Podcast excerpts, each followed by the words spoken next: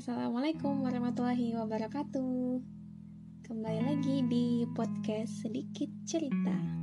Udah seminggu ya kita nggak ketemu uh, Buat teman-teman semoga selalu sehat Di mana pun teman-teman berada. Kita berdoa semoga kebaikan selalu mengelilingi kita Dan virus covid ini segera sirna menjelang Idul Fitri ya Amin. Uh, untuk pembahasan kali ini, aku mau membahas kembali uh, bahasan yang sudah aku up di channel teman aku. Jadi kemarin ceritanya ada yang ngajakin aku kolaps bahas soal insecure. Kenapa insecure? Karena ya mungkin memang hari ini kemarin ataupun besok kapan pun itu perasaan insecure ini pasti bakal selalu ada selalu terjadi. Meskipun sekarang udah sembuh udah pede ke depannya pasti akan merasakan lagi karena lingkungan kita selalu berubah-ubah. Dan kita nggak tahu ke depannya kita bakal menghadapi situasi yang seperti apa. So buat teman-teman yang belum tahu insecure ini apa? Sebenarnya insecure ini adalah perasaan tidak aman. Jadi kayak semacam tertekan galau bimbang gelisah gitu ya. Di mana ini sering kali dialami oleh setiap orang siapa pun itu. Entah itu karena malu merasa bersalah atau ada hal-hal yang kurang di diri kita sehingga kita merasa nggak mampu terhadap suatu hal. Ini wajar terjadi hampir pada setiap manusia karena ya kita lahir dalam keadaan tidak berdaya itu. Kita nggak bisa apa-apa. Dan beberapa penelitian juga menyebutkan bahwa 7 dari 10 orang pasti pernah mengalami insecure. Nah bedanya yang mau aku bahas sekarang adalah alasan dari insecure itu sendiri kan banyak ya Kebetulan kemarin aku abis nonton di channel YouTube Yuk Ngaji. Jadi kan mereka sekarang lagi ada program Ladies Night gitu setiap malam minggu. Nah kemarin mereka bahas soal insecure. Di mana alasan-alasan insecure itu untuk para uh, remaja atau milenial sekarang paling banyak alasannya adalah soal fisik, tanggapan orang, dan apa-apa yang kita nggak bisa gitu. Itu berdasarkan survei kecil-kecilannya Kak Dena Haura di Instagramnya. Secara kita tahu lah ya, beliau influencer yang uh, apa namanya followersnya ya rata-rata para milenial. Yang menarik kenapa? Yang pertama ini soal fisik gitu ternyata ya wajar aja karena ini adalah hal pertama yang dilihat seseorang. Ya enggak pernah kan kita kayak ngerasa aduh kok gue kurus banget ya? Kok gue gemuk banget sih jadi cewek? Nggak ideal dan sebagainya. Pengen deh punya body goals wajah cantik dan sebagainya. Sadar nggak sih kalau sebenarnya insecure dalam hal ini balik lagi pada masalah standar Ya, standar kecantikan. Yang menurut Dokter Ratih, salah satu speaker di program Ladies Night kemarin, kata beliau, uh, yang menyebabkan insecure soal fisik itu sebenarnya adalah persepsi. Itu tuh by design.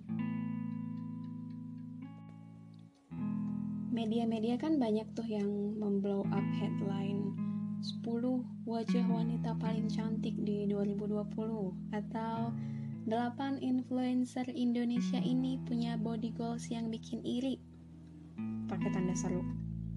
Tanpa sadar setelah kita tahu setelah kita baca berita itu kita jadi pengen kayak mereka gitu kan? Ya nggak? Meski nggak semua tapi sebagian besar melakukan hal itu mengikuti desain-desain yang dibuat oleh publik. Ciri-cirinya diliatin satu-satu. Oh, kalau cantik itu giginya harus gigi kelinci. Oh, timbangannya harus segini. kulitnya kudu mulus, putih, matanya coklat, rambutnya begini, begitu, dan sebagainya. Belum lagi sederet iklan produk kecantikan yang selalu nampilin model-model berkulit putih, wajahnya mulus, dan sebagainya. Yang kita konsumsi sehari-hari itulah sebenarnya yang membentuk persepsi kita, mendesain persepsi kita soal kecantikan, soal bentuk fisik yang ideal, sehingga ketika kita nggak mencapai standar itu, jadinya insecure. Ini nih yang bahaya. Apalagi dengan adanya pageant alias kontes kecantikan. Mulai dari Putri Indonesia, Miss Universe, dan sebagainya. Yang mengkampanyekan 3B. Apa itu? Yap, brain, behavior, and beauty. Kecerdasan, attitude, dan kecantikan. Tapi faktanya yang selalu dimenangkan itu adalah yang cantik, ya enggak? Apa pernah yang dia pesertanya nggak body goals, nggak cantik tapi attitude-nya baik, terus cerdas banget gitu ya dimenangkan? Nggak pernah kan? Pada akhirnya yang di nomor satu kan tetap soal kecantikan. Jadi cewek-cewek yang nonton tuh semakin kebentuk persepsinya. Oh, yang body goals tuh gini. Alhasil publik jadi mengejar kesempurnaan fisik. Secara nggak langsung, menurut dokter Latih nih, insecure-nya kita ini jadi ajang kapitalisasi. Dengar hal ini aku baru ingat waktu itu pernah nonton IGTV-nya aktris yang jadi pema salah satu pemain di Imperfect itu Karina Nadila. Mbak Karina ini dulu jadi kontestan Putri Indonesia juga tahun 2017. Nah, beliau bikin IGTV bareng uh, Koh Ernest, Ernest Prakasa. Nah, kebetulan mereka bahas soal ajang ini Putri Indonesia menurut Mbak Karina nih, pageant itu adalah kesempatan buat semua perempuan untuk menunjukkan dia yang sesungguhnya tuh bukan sekedar badan, tapi apa visi dia ke depan. Dia mau ngapain di dunia ini, gitu katanya. Terus diceletusin sama Ko Ernest. Tapi kan kalau lo nggak bertubuh ideal dan, dan berwajah cantik, lo nggak akan masuk. Terus kata mbaknya, namanya memang namanya juga beauty pageant gitu beauty come first tapi kalau lo bisa ngebagiin pesan buat semua perempuan sebagai bentuk empowerment itu nggak harus katanya. Ada contoh tahun 2017 atau 2016 Miss Canada yang dia datang ke Miss Universe dalam keadaan gemuk banget tapi dia pikir waktu dia diet nggak senyaman itu itu nggak sebahagia waktu dia gemuk jadi dia mau ngasih tahu ke semua perempuan selama lo sehat, lo bahagia, itu yang lebih penting. Jadi ada pesan yang bisa dibawa. Terus kata Ko Ernest, tapi faktanya belum pernah tuh ada yang cabi terus bisa menang gitu ya Miss Universe-nya. Terus kata mbaknya ya memang belum karena ini beauty comes first walaupun beauty comes in diverse. Tapi kalau misalnya kita ngomongin pagelaran seperti ini, kan ada beberapa sponsor itu kata Karina Nadila. Sponsor itu juga punya request. Kira-kira bayangannya nanti yang menang bakal seperti apa? Ya minimal representasi dari brand sponsornya ini. Misal kalau brandnya maunya yang uh, dia harus pintar tapi kulitnya agak tan gitu. Ya udah berarti yang uh, punya nilai lebih yang seperti itu kriterianya Let's see. Artinya apa? Secara nggak langsung, kecantikan kita didesain agar bisa mengikuti standar kecantikan yang diinginkan oleh sponsor sponsor-sponsor itu. Ya nggak? So, please being smart. Kita harus menyadari, jangan sampai kita menjadi korban dari kapitalisasi industri yang memanfaatkan insecurity kita oh kalau gitu berarti kita nggak boleh dong skincarean pakai-pakai produk kecantikan dan sebagainya. Ya nggak gitu juga. Skincare boleh-boleh aja tapi posisinya dengan tujuan untuk kita merawat diri. Sebagai bentuk rasa syukur kita atas apa yang telah Allah beri ke kita. Jadi cukup pada batas itu. Sekarang kan banyak tuh tips skincarean yang baik banget lah macamnya. Bisa sampai berapa lapis gitu ya. Krim inilah krim itulah. Ya alis lah. Apa cairan-cairan apalah. Sementara pada faktanya kebutuhan orang kan beda-beda. Ini yang perlu kita perhatiin. Jadi nggak semua muanya harus kita aplikasikan gitu. Nggak semuanya kita harus mengikuti standar yang dibuat oleh publik itu gitu atau soal warna kulit. Banyak kan yang mau kulitnya putih. Karena apa? Standar kecantikan orang Indonesia itu dianggap cantik kalau kulitnya putih. Tapi ingat dokter-dokter kecantikan juga udah bilang putih yang paling maksimal buat tubuh kita itu adalah seputih kulit di bagian dalam yang gak kena sinar matahari. Jadi kalau mau sekedar ngilangin kulit belang ya nggak apa-apa. Itu kan namanya memperbaiki kulit yang rusak akibat sering terpapar sinar UV. Tapi ketika posisi merawat tubuhnya itu udah bergeser, bukan lagi untuk merawat, bukan lagi untuk bersyukur, tapi untuk mengikuti pandangan orang lain, persepsi orang ke kita, memenuhi sistem kapitalis itu tadi, itu yang salah sampai-sampai ada yang suntik inilah itulah atau bahkan oplas gitu ya sampai merubah bentuk tubuh. Itu yang gak boleh. Kalau kata Mbak Najwa Shihab jangan mau didikte oleh ukuran cantik yang dibuat orang lain. Udah pada tau lah ya ini mah. Bahkan repost bahkan. Oke, sampai sini. Kalau kita udah paham tentang standar kecantikan, solusi yang paling tepat adalah menerima diri sendiri mencintai diri sendiri alias self love. Seperti yang sekarang sedang marak dikampanyekan. Beberapa artikel yang bahas soal insecure kan ujung-ujungnya memberi solusi ini. Semua perempuan itu cantik. Perempuan itu cantik ketika ia percaya dengan dirinya sendiri.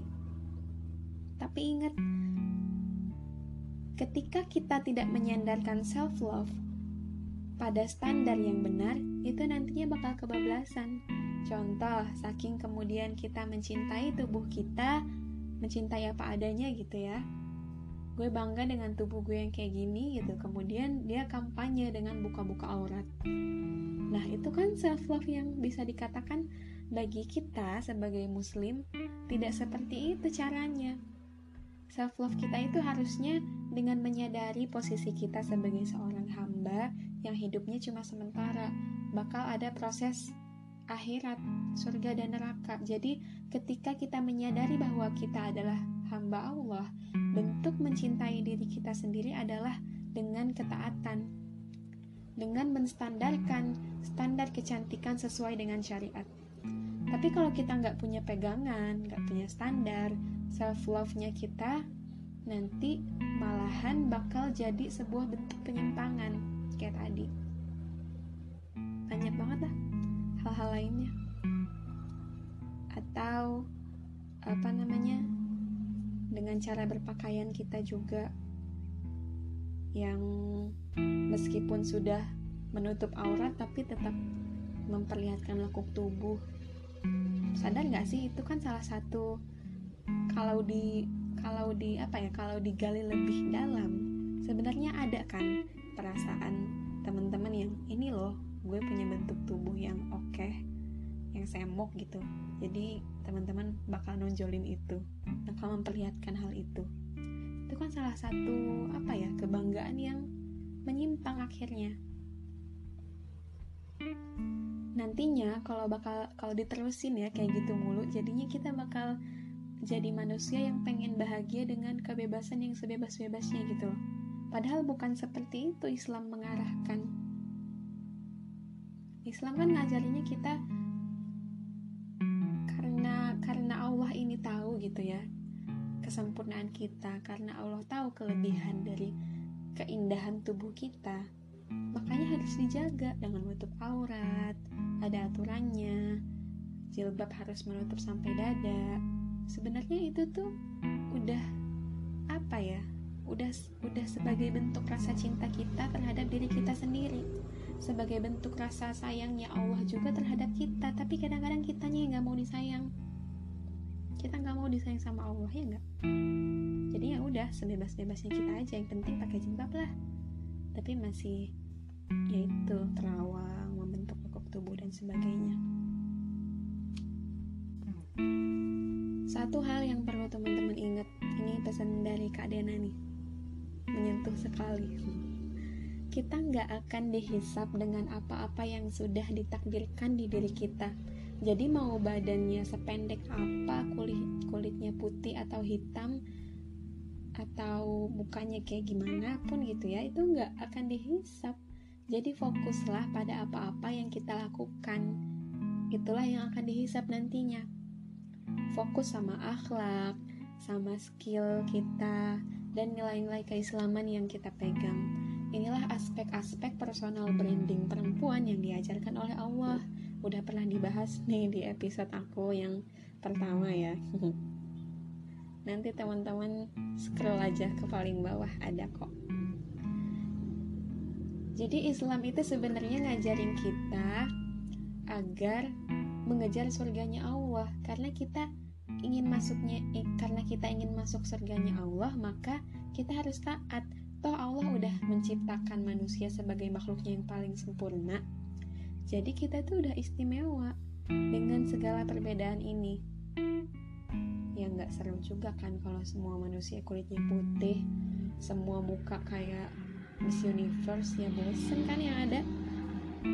Dan belum tentu juga Miss Universe itu dianggap cantik bagi sebagian orang ada yang menganggap cantiknya itu harus berkulit hitam. Kayak orang-orang di barat kan yang mereka kulit putih malah pengen kulit hitam. Ada yang cantiknya itu kayak di negara mana gitu ya harus pakai apa namanya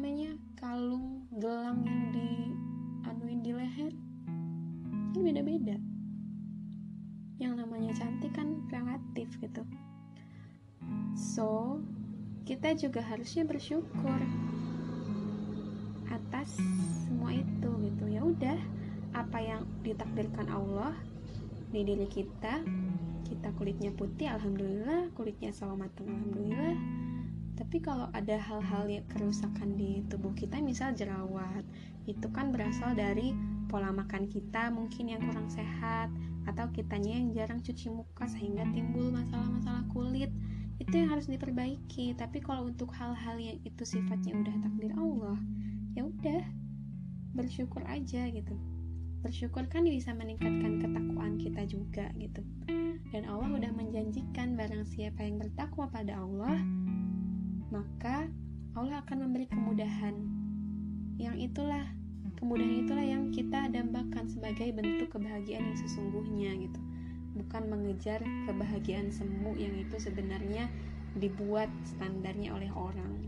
Kalau kita ngejar nggak sampai kan akhirnya insecure, depresi dan sebagainya.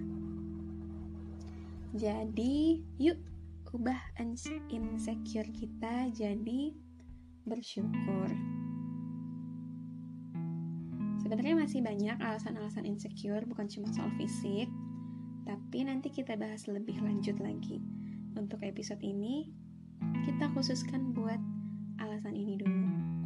Semoga teman-teman setelah mendengar ini bisa lebih mencintai dirinya sendiri dengan cara yang benar, dengan standar-standar Allah, bukan standar-standar manusia.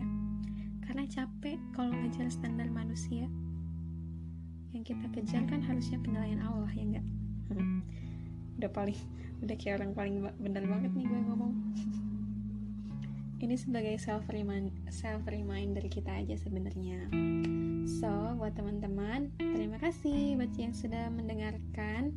Next aku bakal lebih uh, lanjut lagi bahas soal insecure karena alasan-alasan insecure ini kan banyak banget sebenarnya. Yang ini pasti bakal dihadapi sama kita hmm, berisik banget ya motor. Yang ini pasti bakal dihadapi sama kita. Mau kita sekarang bahagia mau kita sekarang terpuruk mau kita sekarang udah sembuh dari rasa insecure itu pasti nanti bakal ketemu lagi.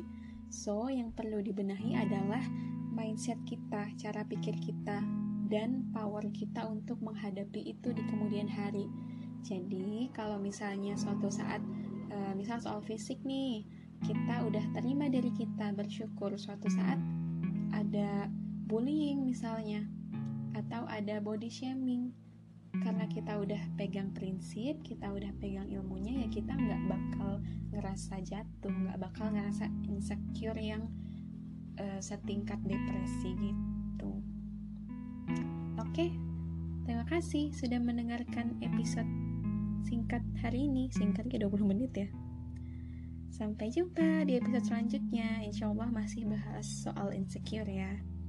Stay tune terus di podcast Sedikit Cerita. Kuil hakwalau kanamuran. Wassalamualaikum warahmatullahi wabarakatuh.